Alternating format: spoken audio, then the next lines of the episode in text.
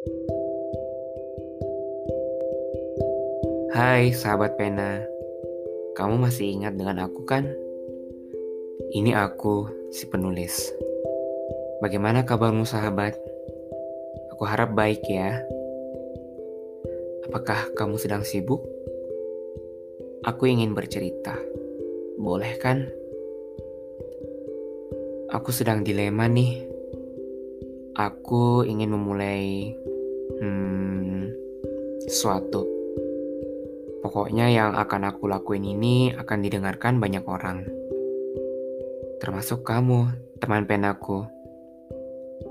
Kenapa aku ingin melakukan ini? Nggak tahu juga sih. Aku cuma ngerasa kalau ada sesuatu yang perlu aku ceritakan. Tentu saja untuk orang yang ingin mendengarkan. Tapi aku takut. Takut jika aku melakukan hal yang salah. Atau bahkan kalau tidak ada sama sekali yang ingin mendengarkannya. Huh, repot. Kata kakak aku sih, jangan berpikir terlalu berat. Karena sebelum mencoba, hasilnya tidak akan pasti.